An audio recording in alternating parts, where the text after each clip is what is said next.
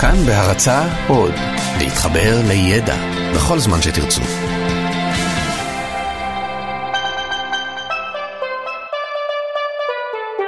לא סופי, עם דוקטור אושי שוהם קראוס ויובל מלכי.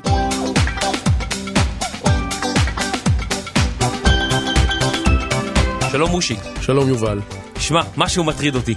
מה? אה, וחשבתי שאתה הבן אדם המתאים אה, לחלוק איתו את טרדותיי.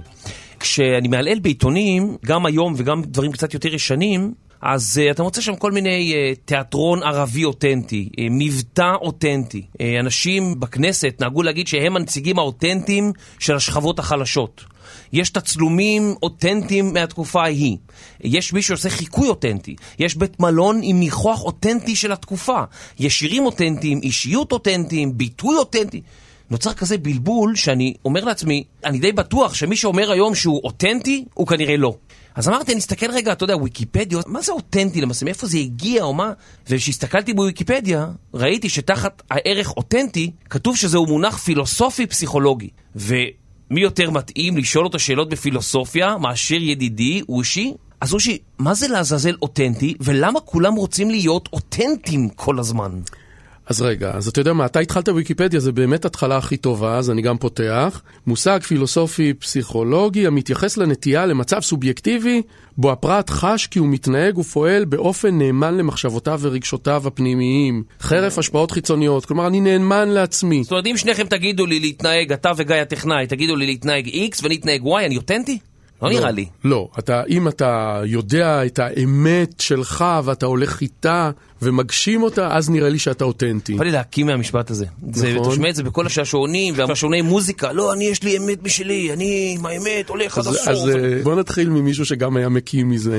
בוא נתחיל מאפלטון. אפלטון, המושג אה, אמת שלי בטח היה מזעזע אותו לגמרי. אוי, אני אוהב את אפלטון, אני מתחבר אליו מאוד. אוהב אותו אפלטונית, אני מקווה. כן, לגמרי. כן, בוא נתחיל מסיפור של אפלטון, שבדרך כלל לא לוקחים אותו דווקא לכיוון של אותנטיות, אבל אנחנו ניקח אותו לשם. זה נקרא משל המערה. משל. המערה של אפלטון. עכשיו, כל משל המערה הזה זה שלוש שורות, אבל אנחנו נהפוך אותו ל-20 דקות בפודקאסט, לא באמת. יאללה. אז ככה, אז יש מערה, ובתוך המערה יושבים אנשים.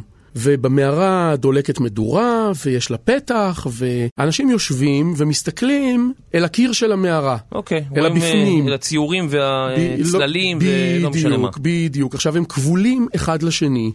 וכבולים לרצפה, ויש כן. להם כאלה קולרים כאלה, כמו של עבדים או של כלבים או אני לא יודע מה, והאנשים האלה מסוגלים להסתכל רק על הקיר שממולם. הם בחיים לא ראו לא את עצמם אפילו, לא את החברים שלהם, הם רואים רק את הקיר. אוקיי. בשבילם העולם זה הקיר של המערה. עכשיו פתאום הם שומעים כזה קול, קוואק, קוואק, קוואק, קוואק, קוואק, תרנגולת מגיעה. עוברת בחוץ תרנגולת, הם רואים על הקיר צל של תרנגולת, ואז שואלים אותם, שוב, זה, אני מספר את הסיפור הזה בסופר הרחבה, שואלים אותם איך נראית תרנגולת, מה הצבע של תרנגולת, מה הם יגידו? שחור. כי למה? כי הם רואים. את, את הקיר, הקיר זה העולם, כן. ויש תרנגולת שחורה, כמה ממדים יש לתרנגולת? שניים. גובה האורך- ואורך, כן. בדיוק. ככה כל יצור שעובר, הם אה, שומעים אותו נגיד, ומסתכלים על הקיר ורואים את הצל שלו. זה העולם שלהם. עכשיו, יום אחד, אחד מהם מצליח להשתחרר, לא יודע איך זה, אני מדמיין אותו ככה מסתובב ופתאום רואה דברים בתלת מימד, הבן אדם בטח בסופר הלם, הוא רואה צבע, זה, אני לא יודע מה,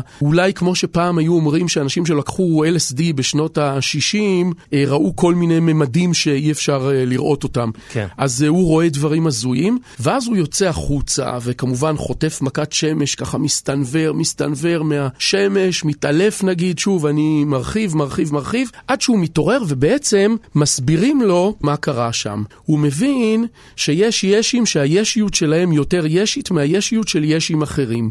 מה זה אומר? מה זה מבין, אומר? כן. הוא מבין שיש אובייקטים, נגיד כמו תרנגולות, שהן יותר קיימות מהצל של תרנגולות.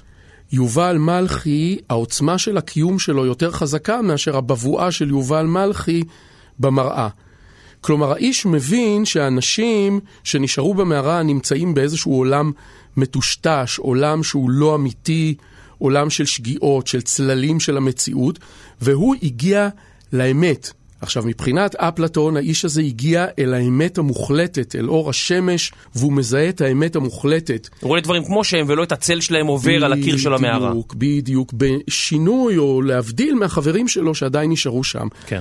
עכשיו, בסיפור של אפלטון, האיש הזה רוצה לעזור לחברים שלו. בטח, להשתחרר. להשתחרר, להציל את עצמם. ואז הוא נכנס למערה עוד פעם, והוא מספר להם. מה הוא ראה, מה הוא חווה. מה ראיתי, מה חוויתי. עכשיו, הם כמובן לא מבינים בכלל את הדברים שהוא מדבר עליהם, כי הוא מדבר על צבע, והם לא יודעים מה זה צבע. הוא מדבר על רוחב או נפח, וזה דברים שהם עומק מחוץ, וזה, הם לא מבינים. מחוץ למושגים שלהם. ואז הם הורגים אותו. עכשיו, בסיפור של אפלטון לא ברור בדיוק איך הם הורגים אותו, כי הם הרי קשורים... אה, חונקים אותו עם השרשרת, נו, אפשר לדמיין. אוקיי, בסדר, הורגים אותו, חונקים אותו עם השרשרת. עכשיו, איך זה קשור לאותנטיות? בדרך כלל לוקחים את הסיפור הזה של אפלטון לא למקומות ה... של האותנטיות, אלא דווקא לעניין של אמת אובייקטיבית. שאומרים שאם אתה, ברגע שאתה עוזב את המערה, אתה כבר לא יכול לחזור אליה. או משהו כזה, כזה. בדיוק, זה בדיוק הקשר כאן של האותנטיות. יש כאן בן אדם, יש כאן בן אדם שגילה את האמת. ונשים עכשיו בצד את העניין שזה האמת שלו, האמת כן. המוחלטת, לפי אפלטון זה האמת שלו. אבל הוא גילה את האמת, הוא הולך עם האמת, והוא רוצה לבוא אל האנשים, החברים שלו, שנמצאים עדיין בעולם שגוי ולא... הוא רוצה לעזור להם. רוצה לעזור להם והם הורגים אותו. כן. כלומר, הסיפור שלנו הוא דווקא סיפור לא כל כך אופטימי על העניין של אותנטיות. אתה רוצה ללכת עם האמת שלך, אתה רוצה להוביל אנשים עם האמת שלך. ובסופו של דבר זה מוביל אותך להתנגשות עם החברים שלך. הללכת החוצה אל האמת מוציא אותך מהמיליה שלך, מהחברים שלך, ואתה משלם עליו מחיר. זה אחד מהדברים שאפשר ללמוד מהסיפור של אפלטון על משל המערה. זה דרך אגב משהו שמופיע גם בסיפורים אירופאיים על uh, אנשים שמעולם לא עזבו את הכפר שלהם, הם האנשים הכי מאושרים. Uh, כי אתה לא רואה את כל מה שיש בחוץ, וזה, אתה נשאר באותו מקום, באותו ריבוע. Uh, זה גם כאן בהודו, יש כאלה משפטים דומים. אז בעצם מה שאני מבין זה שנורא קשה להיות אותנטי, נכון? כן. קשה מאוד להיות אותנטי, קשה מאוד.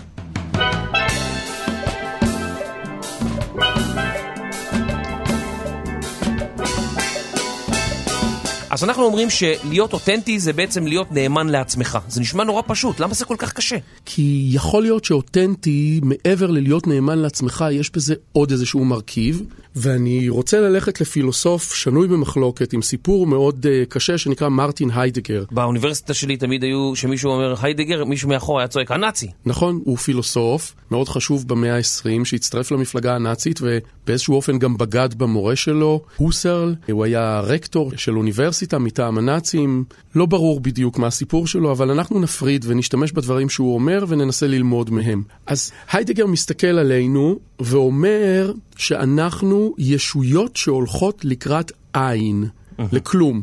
עין באלף. עין באלף. הוא קורא לנו, ל, ליש, לאדם, הוא קורא לו דה זין. דה בגרמנית זה כאן ופה. ושם זה כאילו מונח בעולם, וזין זה להיות. אז אנחנו היות שם. זין זה להיות בגרמנית. כן. מאוד יפה. zu sein. Das ist gut zu sein, es ist gut zu sein היד. מה זה? זה טוב להיות יהודי. טוב להיות יהודי, צו כן, זין. zu sein, להיות. זין להיות. בקיצור, אנחנו ישויות שהולכות לקראת ההתעיינות שלהם, ולקלוט את הדבר הזה שאתה משהו, מודע, שהולך לקראת זה שאתה עומד להתפרק ולהירקב ולהתעיין, זה כנראה דבר שהוא נורא נורא נורא קשה לנו. כן. דבר שאנחנו לא יכולים להכיל אותו. ולכן, כתוצאה מהדבר הזה, מה אנחנו עושים? המערכת שלנו, הפסיכולוגית אולי, אני לא יודע אם זה המושג שהוא היה אוהב, המערכת שלנו הרגשית, השכלית, ממיסה אותנו לתוך אחרים ומוותרת על התודעה האמיתית הזאת. שוב, אם אתה איש אמיתי, לפי היידגר, אתה רוצה להיות אותנטי, אתה רוצה לחוות בצורה מלאה את החיים שלך, אתה צריך להסתכל על העולם ולהגיד, אני אדם שהולך להתפרק, להירקב ולהתעיין.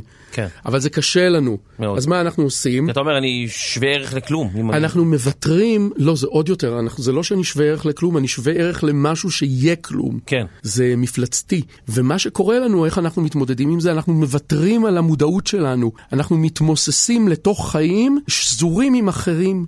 כל החיים שלי בעצם, אני נעזר עכשיו בסיפורים של אחרים, בהיות של אחרים. אני לא מגדיר את עצמי עכשיו, כשאני יושב מולך ומול גיא באולפן, כאושי מול המוות של עצמו. אני אומר, אני יושב מול גיא, גיא שומע אותי, יובל עכשיו מגרד בשיער, הוא שומע אותי, הוא מדבר. אני שוזר את עצמי וממיס את עצמי לתוך המוני יחסים שלי עם המון אנשים, ובעצם כמו בת יענה שטומנת את הראש שלה בחול, אני עושה את זה בשביל לסמם את עצמי ואני לא מרגיש את האמת. אני לא מרגיש את האמת, ושים לב... מה, גם... האמת שלך זה אני אוכל לתולעים. כן. אני אהיה אוכל לתולעים, בדיוק, כן. זה נורא. עכשיו תראה איך אנחנו עושים את זה, אנחנו לוקחים אפילו את העניין של מוות, שהוא דבר נורא רלוונטי לנו, ותמיד בשבילנו מוות זה של מישהו אחר. הוא מת, הכלב מת, זה מת פעם, הוא חולה והוא ימות. זה תמיד uh, סיפורי מעשיות על אנשים אחרים. באיזשהו אופן אנחנו מנסים לחשוב שלנו זה לא יקרה.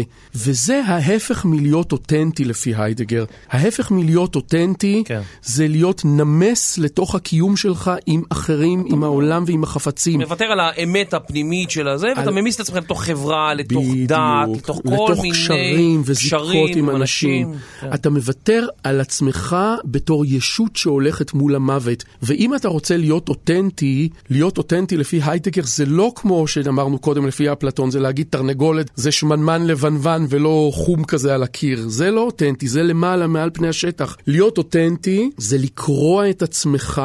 מכל הזיקות האלה שיש לך לעולם, להפריד את עצמך, ממש לתלוש את עצמך חזק, זה קשה. כאילו, ממש אתה צריך להיאבק כמו, אני מתאר לעצמי, אתה בבור עם מלא אנשים, ואתה תופס והולך ונאבק למעלה. קורע את עצמך כן. מהם רגשית, נפשית, הבנתית, בשביל לקלוט כמו שאתה אמרת, שאתה עומד להיות אוכל לתולעים. זה הדרך שאתה צריך לעשות בשביל להיות אותנטי לפי היידגר, וזה לא נחמד. ולכן, זה קשה להיות אותנטי. אני לא בטוח שהייתי רוצה, אתה יודע מה? כן, טוב, זה במחשבה ופילוסופיה. אני בטוח שבמקרים אחרים, כמו נגיד זמר, שאומרים לו, לא, אתה צריך לשיר ככה, אתה צריך לשיר, הוא אומר, לא, אני נורא רוצה להיות אותנטי, אני רוצה לעשות... אז אולי עדיף לנו להישאר עם האותנטיות הזאת. אז זהו, אז יש אותנטיות אחרת, שהיא יותר, לא צריך לקרוע את עצמך לגמרי, אתה צריך כאילו לזוז טיפה לימינה, טיפה ללמעלה, טיפה להצידה, ואז אתה נחשב אותנטי. בפילוסופיה זה הרבה יותר מורכב, כאילו בשביל אותנטי, אדם אותנטי, חיים אותנטיים, ממש צריך לקרוע את עצמך. זה לפי היידגר, זה לפי היידגר, אבל אפשר ללכת למקומות יותר אופטימיים. תן, תן לי אופטימי, תן לי אופטימי, הרגת אותי עכשיו. כן, זה לא נעים, זה לא. היה קטע לא נעים כזה, נכון? לא. גם לא היידגר נעים. לא נעים, וגם האוכל לתולעים, ובכלל... וגם הפילוסופיה שלו, הרסת אותם, יאללה, עכשיו לא משהו נעימה. יותר קליל, כן. יותר קליל לא הייתי אומר, אבל uh, משהו שמראה שאפשר להיות אותנטי. אוקיי. אז בואו נלך אל הרב שגר, הרב שמעון גרשון רוזנברג, זיכרונו לברכה, אחד מהרבנים החשובים והמקוריים של הציונות הדתית של המאה ה-21, נפטר לפני 10-15 שנה, okay. אוקיי. לא, אולי פחות מסרטן.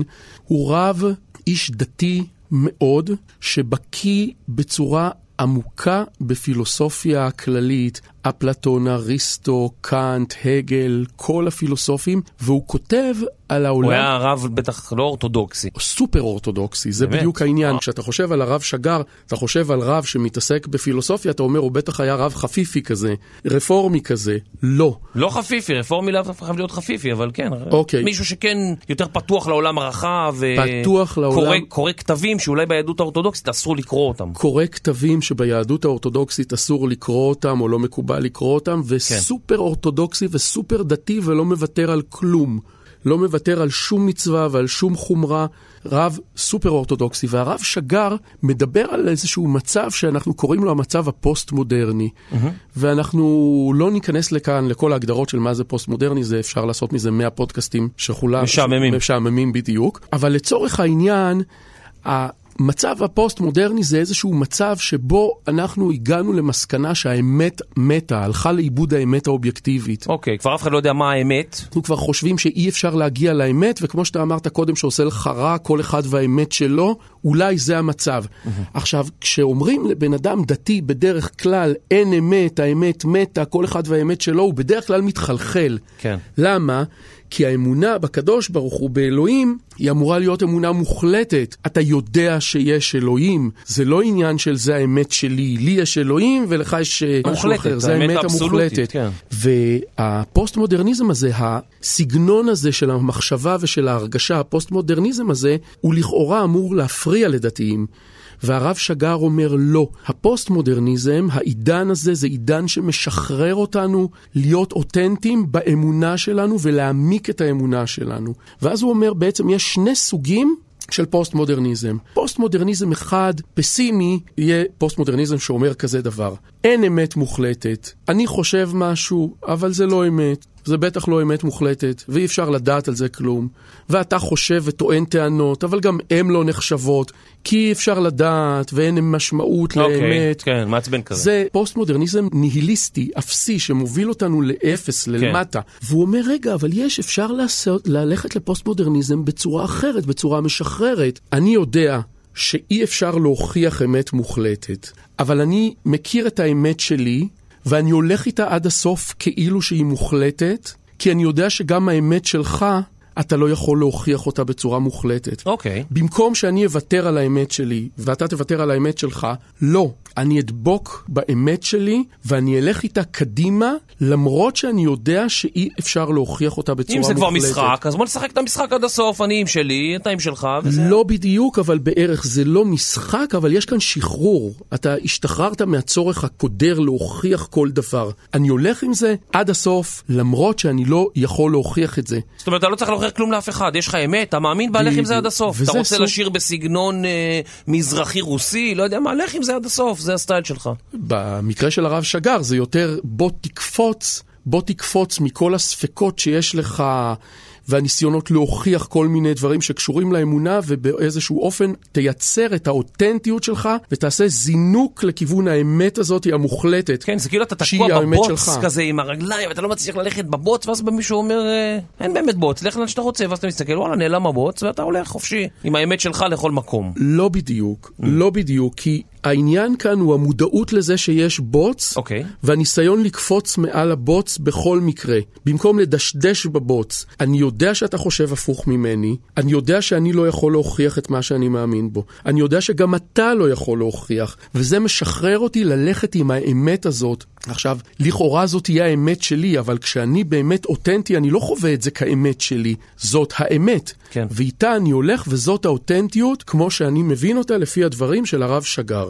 זאת אומרת שהוא אומר שכן יש אמת. זה מורכב. שזה אה, אתה פה. יש אמת שאי אפשר להוכיח אותה, ושאני לא יכול להוכיח אותה, ושאתה חושב הפוך, ואני יודע שאתה חושב הפוך, ואני יודע שגם אתה לא יכול להוכיח אותה, וזה ישחרר אותי ללכת עם האמת שלי, גם אם אני לא יכול להוכיח אותה בצורה מוחלטת. אוקיי. אני אקפוץ למעלה, אני אזנק על הצורך הזה בלהוכיח. אוקיי, אז אתה בעצם מסתכל על דברים בצורה לוגית, זאת אומרת, אתה אומר, אני עזוב את הצורך להוכיח אם יש אמת אחת או אין, אנחנו מדלגים, עוברים קדימה, לך עם האמת שלך קדימה. אתה לא צריך להוכיח כלום, לך עם זה. אם אני לא טועה, זה היה רבי נחמן מברסלב, ואני חושב שאני צודק, שלא אהב פילוסופיה. מה הוא לא אהב בפילוסופיה? הוא היה פילוסוף בעצמו. אבל- היה פילוסוף בעצמו, אבל זה לא מעט פילוסופים לא אוהבים פילוסופיה. המעיין והלב, בואנה, זה לקח לי שנה להבין את הסיפור הזה.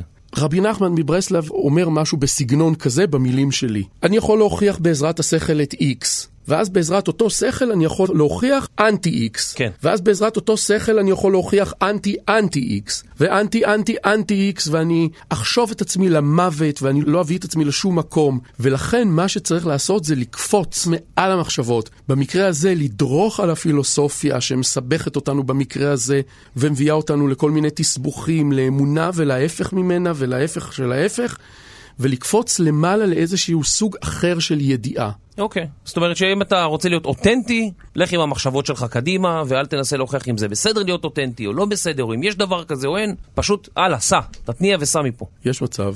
נושא קשה. כן, עשינו אותו קשה, האמת שאפשר היה ללכת לכיוונים אחרים. כאילו אם אתה צריך להסביר לילד, נגיד בא ילד ושואל אותך אה, מה זה אותנטי או מה זה אותנטיות, או המורה אמרה לי שכדאי לי להיות אותנטי. תעשה מה שאתה חושב שהוא נכון, בלי קשר לעמדה של האחרים. אבל אנחנו בפודקאסט וואי, פילוסופי, אבל אנחנו זה- אמורים לסבך יובל. אז זהו, יש את ברק כהן, זה שבא לבנקאים, אתה מכיר אותו?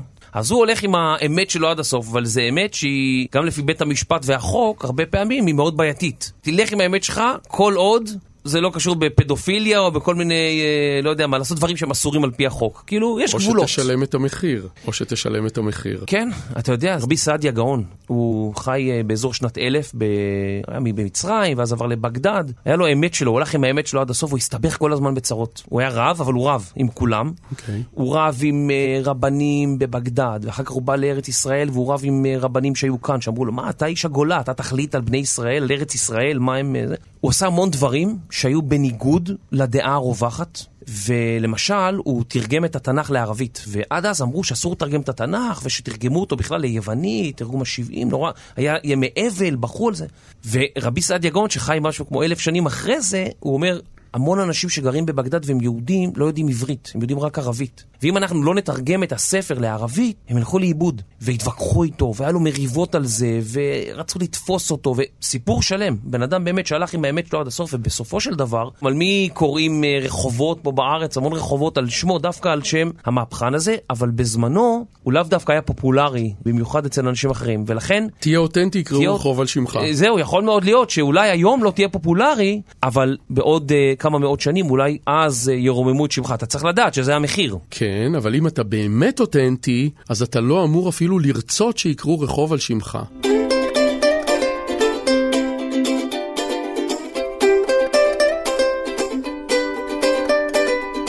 אז בוא נסכם את השיחה שלנו בשאלה, האם זה טוב להיות אותנטי? לא יודע. כרגיל, אושי עם התשובות, לא יודע. כנראה שזה תלוי בכל תחום שהוא. יש תחומים שלהיות אותנטי זה נחמד, יש תחומים שהמילה אותנטי היא כבר הפכה להיות קלישאה אה, נרדפת. זאת אומרת, אם פעם זה היה לא לרוץ יחד עם העדר, היום זה כבר כולם רוצים להיות אותנטיים. אז אם אתה רוצה להיות אותנטי, אתה רוצה להיות כמו כולם. לגמרי. וזה היה אחלה פילוסופיה, זה היה... אולי נעשה איזה פרק על לוגיקה, זה יצא מאוד לוגיקה. יפה. אז לפני שאתם משתמשים במילה אותנטי, תחשבו טוב טוב. אם להיות אותנטי אומר להיות כמו כולם, או להיות באמת באמת מקורי, ואם אתם באמת מקוריים, תמציאו מילה אחרת, תשתמשו במילה אחרת. אושי, תודה רבה. תודה, יובל. נשוב ונתראה בפרק הבא של לא סופי.